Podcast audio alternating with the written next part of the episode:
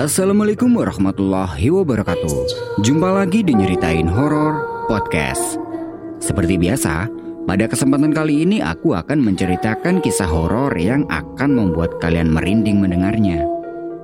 Buat kalian yang punya pengalaman horor dan ingin diceritakan di sini bisa cek infonya di kolom deskripsi. Nah, seperti apa kisahnya? Stay tune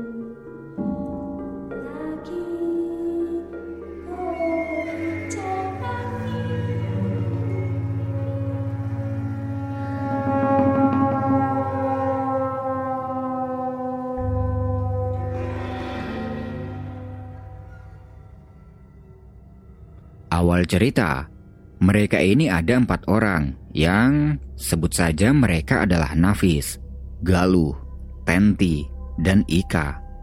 Mereka berempat ini adalah teman akrab di kampus dan sering kali nongkrong bareng kalau ada waktu senggang.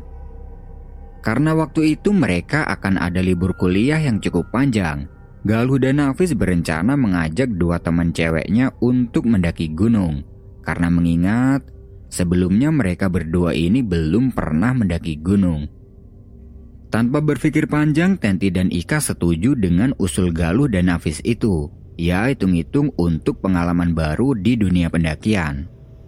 Setelah membahas semua ini di kantin, akhirnya deal mereka akan berangkat tiga hari ke depan ke Gunung Sumbing via jalur Butuh Kaliang Creek. Di antara mereka berempat, Cuman Galuh yang bisa dibilang lebih berpengalaman dalam hal pendakian. Jadi setidaknya ada yang merangkul mereka nantinya. Hamin satu mereka sepakat untuk berkumpul di rumahnya Nafis untuk menyewa peralatan yang belum lengkap.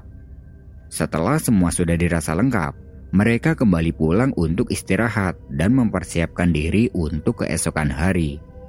Singkat cerita, Jam 7 pagi mereka janjian berkumpul di kampus dan akan berangkat bareng dari sana.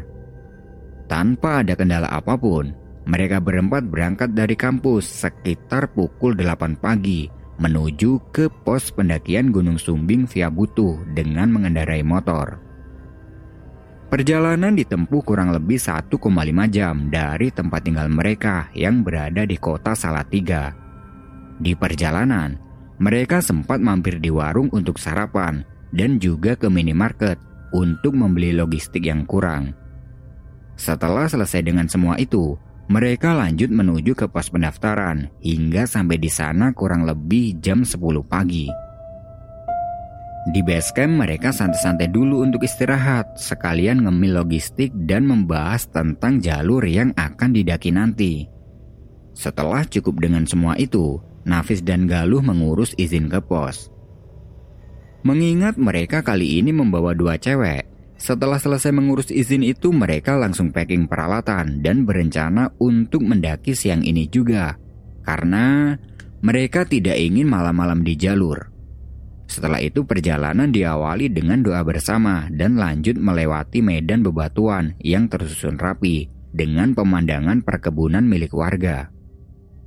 Karena ini baru pertama kalinya Tenti dan Ika melihat pemandangan yang sebagus ini, sering kali mereka berhenti untuk foto-foto. Mengingat perjalanan yang ditempuh ini masih sangat panjang, Galuh memberi saran pada mereka berdua. Ayo ayo jangan terlalu sering berhenti, ntar kemalaman. Fotonya nanti aja di atas, lebih keren daripada di sini. Ucap Galuh Perjalanan dilanjutkan dengan posisi Galuh di paling depan dan Nafis di paling belakang. Setelah menempuh kurang lebih 1,5 jam perjalanan, sampailah mereka di pos 2. Di sini mereka istirahat untuk mengatur nafas. Terlihat waktu itu Tenti dan Ika sepertinya sudah sangat kelelahan. Ya maklumlah, karena ini adalah pendakian pertama mereka. Tapi mereka tidak menyerah begitu saja. Di pos 2 itu, Tenti bertanya pada Nafis kalau mau buang air gimana. Nafis memberitahunya untuk melipir ke semak-semak saja dan jangan lupa permisi. Kemudian, Tenti mengajak Ika untuk mengantarkannya ke semak-semak. Di saat yang bersamaan, Nafis melihat jam tangannya yang sudah menunjukkan jam setengah 12 siang. Dan di sini dia ingat kalau dia belum sholat zuhur. Dia segera mengambil tayamum, kemudian dia menggelar matras di sebelah pohon untuk menunaikan sholat zuhur. Pohon itu letaknya kurang lebih 7 meter dari shelter tempat mereka istirahat tadi. Pas sedang sholat, tepatnya ketika salam.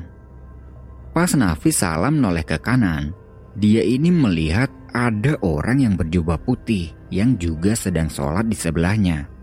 Dan ketika dia selesai salam ke kiri, dia coba melihat lagi ke arah kanan, ke orang yang tadi ada di sebelahnya. Tapi saat itu sudah tidak ada. Di sini Nafis berpikir, "Lah, perasaan tadi ada orang di sini. Apa cuman perasaanku aja ya?" Tanpa mempedulikan itu, Nafis kemudian zikir dan meminta perlindungan agar diberi keselamatan dalam pendakian ini. Setelah selesai berdoa, dia menggulung matrasnya lagi dan sesekali matanya melihat keadaan sekitar untuk mencari orang yang sholat di sebelahnya tadi. Tapi saat itu memang benar-benar tidak ada. Nafis berpikir lagi, ah berarti itu tadi cuma benar perasaanku aja. Tanpa menghiraukan itu dia kembali ke teman-temannya, ke shelter. Terlihat, Tenti dan Ika sudah selesai dari buang air tadi. Setelah dirasa cukup istirahat, Nafi segera mengajak mereka untuk melanjutkan perjalanan. Udah istirahatnya, lanjut jalan lagi yuk, tar kesorean. Kata Nafis. Mereka pun menggendong tasnya masing-masing dan melanjutkan perjalanan dengan posisi awal. Galuh di depan dan Nafis di belakang. Perjalanan menuju ke pos 3 adalah perjalanan yang sangat asyik. Trek sangat landai, banyak bonusnya, Bahkan, di beberapa titik treknya ini terbilang menurun. Vegetasi sedikit terbuka, pemandangan dihimpit oleh semak belukar yang di sela-selanya menampilkan hamparan kota Magelang. Di tengah perjalanan, Nafis yang waktu itu berjalan di belakang menikmati pemandangan yang ada sambil menyalakan sebatang rokok. Hingga tidak terasa, dia ini tertinggal dari teman-temannya. Nggak jauh sih, kurang lebih 80 meteran lah. Nah, ketika sedang asik menikmati pemandangan sambil menghisap rokok, tepatnya di sungai, samar-samar dia melihat ada orang berjubah putih sedang ikut jalan dengan teman-temannya, tepatnya di belakang tenti. Melihat itu Nafis berpikir, Loh, itu siapa yang ikut jalan? Karena penasaran, dia mempercepat jalannya untuk menyusul teman-temannya itu. Tapi, semakin Nafis mendekati teman-temannya, orang jubah putih itu semakin jalan jauh ke atas. Nafis bingung, ini orang siapa? Kalau dilihat dari cara berpakaiannya, sepertinya dia ini bukan pendaki. Karena semakin didekati, orang itu semakin menjauh, dan Nafis di sini semakin penasaran. Dia segera menyusul teman-temannya untuk menanyakan. Tapi, sesampainya Nafis di teman-temannya, orang yang jubah putih tadi itu sudah tidak terlihat lagi.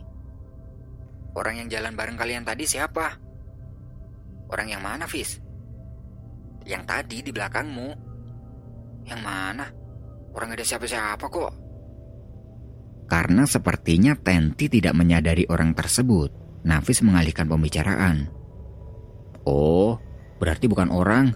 Soalnya tadi dari bawah kayak ada pendaki lain.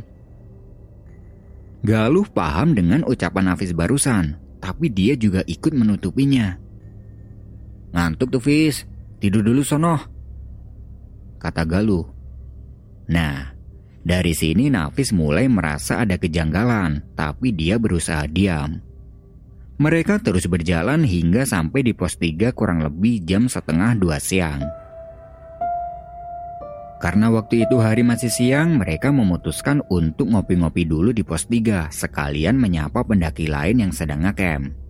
Kompor, nesting, dan peralatan masak lainnya mereka keluarkan dari dalam tas, kemudian dilanjut menggelar matras dan membuat kopi. Ketika Nafis dan Galuh sedang sibuk membuat kopi, Tenti dan Ika ini sibuk foto-foto. Sambil meracik kopi, Galuh bertanya pada Nafis, Fis, kamu tadi ngelihat ada siapa? Oh iya, tadi pas aku di belakang, aku kayak ngelihat ada orang lain yang sedang ikut jalan di belakang kalian. Orangnya pakai baju putih. Iya, kamu tahu? Shh. Aku tadi juga ngerasa kalau di belakang tenda ada yang ikut jalan. Dia berpakaian serba putih. Ternyata, apa yang tadi dilihat Nafis Galuh juga merasakannya. Kemudian mereka bersepakat untuk tidak mengatakan hal ini pada mereka-mereka yang cewek, agar mereka tidak takut. Setelah kopi sudah jadi, mereka semua berkumpul dan menikmatinya sambil bercanda.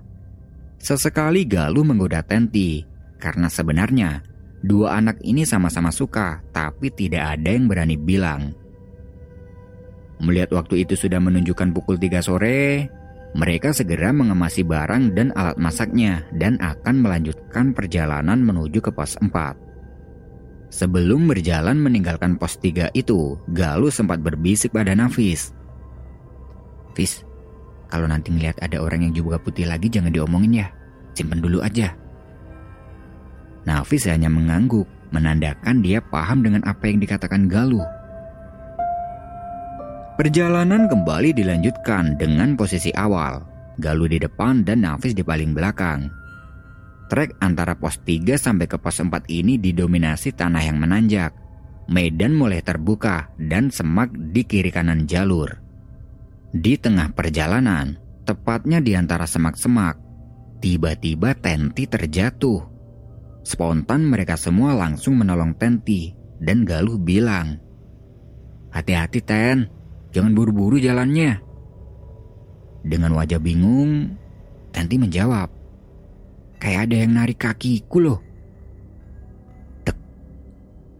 Mendengar itu Nafis langsung kepikiran tentang orang yang jubah putih yang dilihatnya tadi. Karena terakhir kali orang itu terlihat berjalan di belakangnya Tenti. Galuh tidak merespon perkataan Tenti dia membantu Tenti untuk berdiri lagi dan mengajaknya untuk lanjut jalan pelan-pelan. Setelah kejadian tadi, Tenti ini merasakan perih di pergelangan kaki kanannya. Mungkin karena habis jatuh tadi. Jadi sambil berjalan itu dia berusaha menahan rasa perihnya. Singkat cerita, sampailah mereka di pos 4 sekitar jam 5 sore. Sesampai di situ mereka langsung mendirikan tenda di dekat pohon tunggal yang terdapat di pos tersebut. Kondisi di pos 4 saat itu cukup sepi, hanya ada beberapa tenda saja yang berdiri. Setelah tenda sudah didirikan, Nafis melipir sedikit jauh mencari tanah datar untuk menunaikan sholat asar. Ketika sedang sholat, tepatnya di rakaat kedua, Nafis merasa seperti ada orang lain yang juga sedang sholat di belakangnya. Mungkin saat itu Nafis kurang khusyuk, jadi dia merasa yang tidak-tidak. Dia berusaha memfokuskan pikirannya lagi. Setelah selesai sholat, dia langsung nengok ke belakang. Dan ternyata tidak ada orang lain selain Nafis sendiri. Di sini Nafis berpikir, jangan-jangan tadi itu orang jubah putih karena waktu itu tidak terlihat ada siapa-siapa, Nafis lanjut berdoa. Semoga diberi keselamatan dalam pendakian ini. Setelah itu dia kembali ke teman-temannya. Sesampainya di tenda, tiba-tiba Galuh berbisik pada Nafis. Fis, tadi di belakangmu ada orang jubah putih. Dia ikut sholat. Mendengar itu Nafis kaget. Berarti yang dirasakan tadi itu benar. Lalu dia menjawab, Aku juga ngerasa gitu tadi. Ya udah biarin aja. Kayaknya dia baik. Nafis hanya menganggukkan kepala, menandakan dia paham dengan apa yang dimaksud Galuh. Sore itu mereka masak di depan tenda, dan ketika mereka sedang sibuk masak, terlihat dari depan tenda Tenti sedang sibuk memegangi kaki kanannya. Sepertinya dia sangat kesakitan. Karena khawatir, Galuh menghampirinya untuk melihat keadaan Tenti. Terlihat kaki kanannya Tenti ini memar. Galuh bertanya pada Tenti. Kakimu kenapa, Ten? Gak tahu, tiba-tiba memar gini. Kamu alergi dingin? Enggak, sejak habis jatuh tadi rasanya perih banget. Pas dibuka ternyata memar gini. Nafis yang mendengar pembicaraan Galuh dan Tenti langsung berpikir negatif. Apa jangan-jangan ada hubungannya dengan orang jubah putih tadi ya? Galuh segera membalut kaki kanannya Tenti dengan kain buff yang dibawanya dan meminta Tenti agar istirahat dulu. Tenti pun istirahat ke dalam tenda dengan ditemani Ika. Setelah itu dia melanjutkan masak-masak bersama Nafis. Sambil memasak, Nafis menanyakan keadaan Tenti pada Galuh. Tenti kenapa lu? Kakinya merah, mungkin dia alergi dingin. Sambil memasak, Nafis menceritakan apa yang sudah mengganjal di pikirannya pada Galuh, yaitu tentang sosok berjubah putih itu, yang mungkin ini ada hubungannya dengan luka memar di kakinya Tenti. Tapi di sini Galuh tidak sependapat dengan Nafis. Menurut Galuh, orang itu adalah jin muslim tapi nggak tahu kenapa dia selalu muncul mengikuti perjalanan mereka. Tidak lama kemudian masakan sudah jadi. Mereka pun makan dengan lahap. Dan sesekali, Nafis melihat keadaan kakinya Tenti yang masih terbalut buff milik Galuh. Setelah selesai makan, mereka lanjut nongkrong di depan tenda sambil menikmati kopi dan pemandangan sunset. Karena sore itu udara semakin dingin, mereka memakai jaketnya masing-masing. Di depan tenda itu mereka ngobrol ke sana kemari, membahas hal-hal yang tidak penting saat di kampus. Terlihat beberapa pendaki lain berbondong-bondong dari bawah dan baru sampai di pos 4. Mengingat hari sudah masuk waktu maghrib, Nafis tidak lupa dengan kewajibannya, yaitu sholat. Dia sempat mengajak Galuh dan yang lain untuk sholat bareng, tapi mereka tidak mau. Nafis pergi ke tempat dia tadi sholat asyar untuk menunaikan sholat maghrib. Ketika Nafis sedang sholat, Galuh memperhatikan Nafis. Kali aja dia melihat sosok orang jubah putih tadi. Tapi kali ini dia tidak melihat sosok itu. Hal yang sama juga dilakukan oleh Nafis. Setelah selesai sholat, dia nengok ke sana kemari. Ya kali aja sosok jubah putih tadi ada di sini, tapi tidak ada.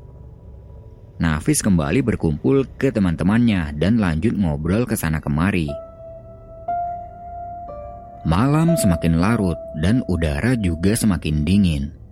Karena tidak betah dengan suhu dingin, Tenti dan Ika pamit untuk masuk ke dalam tenda, sementara Nafis dan Galuh memasangkan flysheet di antara tenda cowok dan cewek.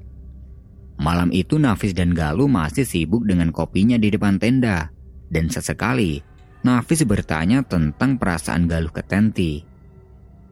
Galuh memang sudah lama menyukai Tenti, tapi dia tidak berani ngomong karena dia tidak mau pertemanan mereka ini nantinya pecah hanya gara-gara di antara mereka ada yang pacaran. Lama mereka ngerumpi di depan tenda. Tiba-tiba dari dalam tenda cewek terdengar Tenti teriak histeris, disusul teriakan Ika yang memanggil Nafis dan Galuh. Mereka langsung mendatangi ke dalam tenda. Terlihat Tenti sedang kesakitan sambil memegangi kaki kanannya. Kata Tenti, barusan dia merasa ada yang memegang erat di bagian kaki kanannya yang memar itu. Galuh segera membuka lilitan buff yang ada di kakinya Tenti. Dan ternyata, memar di kakinya Tenti itu semakin merah dan ada bentol-bentol putih seperti nanah. Mereka semua panik. Kemudian, Galuh membalut lagi kakinya Tenti dan memintanya untuk tidur saja. Setelah itu, Galuh berinisiatif untuk menghadapkan tenda yang cowok berhadapan dengan tenda cewek dan di tengahnya ditutupin flyset dengan tujuan nanti kalau Tenti kenapa-napa biar mereka bisa memberi pertolongan dengan cepat. Setelah tenda sudah dihadapkan, malam itu mereka tidur dan sebelum tidur, tidak lupa Nafis menunaikan kewajibannya untuk sholat isya. Malam semakin larut. Ketika sedang nyenyak tidur, Nafis terbangun karena dia mendengar ada suara yang menggerung dari dalam tenda cewek. Mendengar itu Nafis segera membangunkan Galuh. Loh, lo bangun lo. Ada apa Fis? Jawab Galuh yang masih dalam keadaan ngantuk. Loh, kayaknya Tenti kenapa-napa dah. Galuh segera bangun dari tidurnya. Kemudian mereka langsung melihat ke tenda cewek karena takutnya ada apa-apa dengan Tenti. Di dalam tenda cewek, terlihat Ika sedang duduk sambil meremas sleeping bagnya dan akan mencekik Tenti yang masih tidur. Dia kesurupan. Melihat itu, Nafis meminta pada Galuh untuk membangunkan Tenti dan membawa Tenti ke dalam tenda cowok. Sedangkan Nafis, dia mencoba berinteraksi dengan sosok yang ada dalam tubuh Ika. Sosok yang ada dalam tubuh Ika itu bilang dengan suara yang sangat serak dan sangat berat. Bocah iking rusui panggonanku. Anak ini mengotori tempatku. Sambil memegang pergelangan tangan dan kening Ika, Nafis mencoba mengeluarkan sosok itu dari tubuhnya Ika dengan membacakan ayat-ayat pendek. Dan akhirnya Sosok itu mau keluar dari tubuh Ika, dan seketika itu Ika langsung lemas. Beruntungnya, Nafis mempunyai keahlian dalam bidang tersebut, jadi masalah seperti ini bisa segera ditangani. Galuh dan Tenti sangat takut melihat kejadian itu.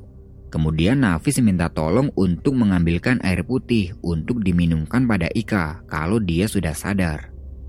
Beberapa saat kemudian, Ika sadar dan dia tidak tahu apa yang barusan saja terjadi. Nafis pun memberi kode pada teman-temannya agar tidak mengatakan kejadian barusan pada Ika. Dia hanya bilang begini, Gak ada apa-apa Ik, tadi Tenti pengen buang air makanya kami bangun. Nih minum dulu. Lalu tiba-tiba Ika berucap, Bocor lagi ya Ten? Sontak Nafis langsung bertanya pada Tenti, Bocor. Kamu mens? Sejak kapan? Malam sebelum kita berangkat mendaki. Jawab Tenti. Mendengar itu Nafis berpikir. Pantas aja yang tadi masuk ke dalam tubuh Ika bilang begitu. Nafis meminta pada Tenti agar kembali tidur. Lalu, Nafis meminta tolong pada Galuh untuk menemaninya keluar tenda untuk membaca-bacakan sekeliling tenda mereka agar sosok tadi tidak mengganggu Tenti lagi. Setelah selesai dengan semua itu, mereka kembali tidur. Nah, ketika sedang tidur, Nafis bermimpi didatangi sosok orang berjubah putih. Dan sosok berjubah putih itu mengatakan, Pulang, ajak teman-temanmu segera pulang dari sini. Orang itu tidak jelas wajahnya. Dia selalu menunduk meskipun sedang bicara. Setelah mengatakan itu, sosok itu langsung pergi meninggalkan Nafis begitu saja. Pagi pun tiba. Pagi itu terlihat keadaan Tenti semakin memburuk.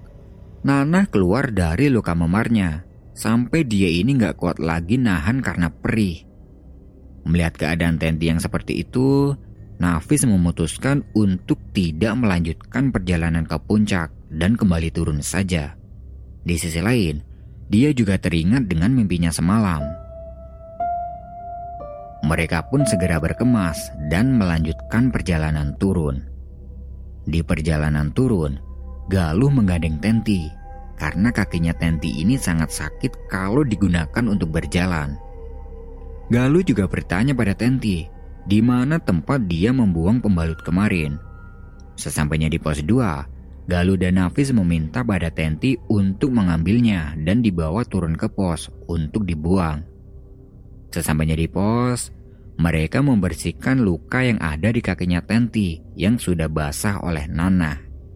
Setelah itu Nafis bilang pada Tenti, Lain kali kalau berhalangan bilang dari awal Ten, Untung aja kita selamat sampai kembali turun. Tenti pun minta maaf pada teman-temannya, begitu juga dengan Ika. Karena sebenarnya Ika ini sudah tahu kalau Tenti sedang berhalangan, tapi dia juga ikut menutupi itu pada teman-temannya atas kemauan Tenti. Jadi Tenti ini memang sengaja tidak memberitahukan hal ini pada teman-temannya lantaran dia malu.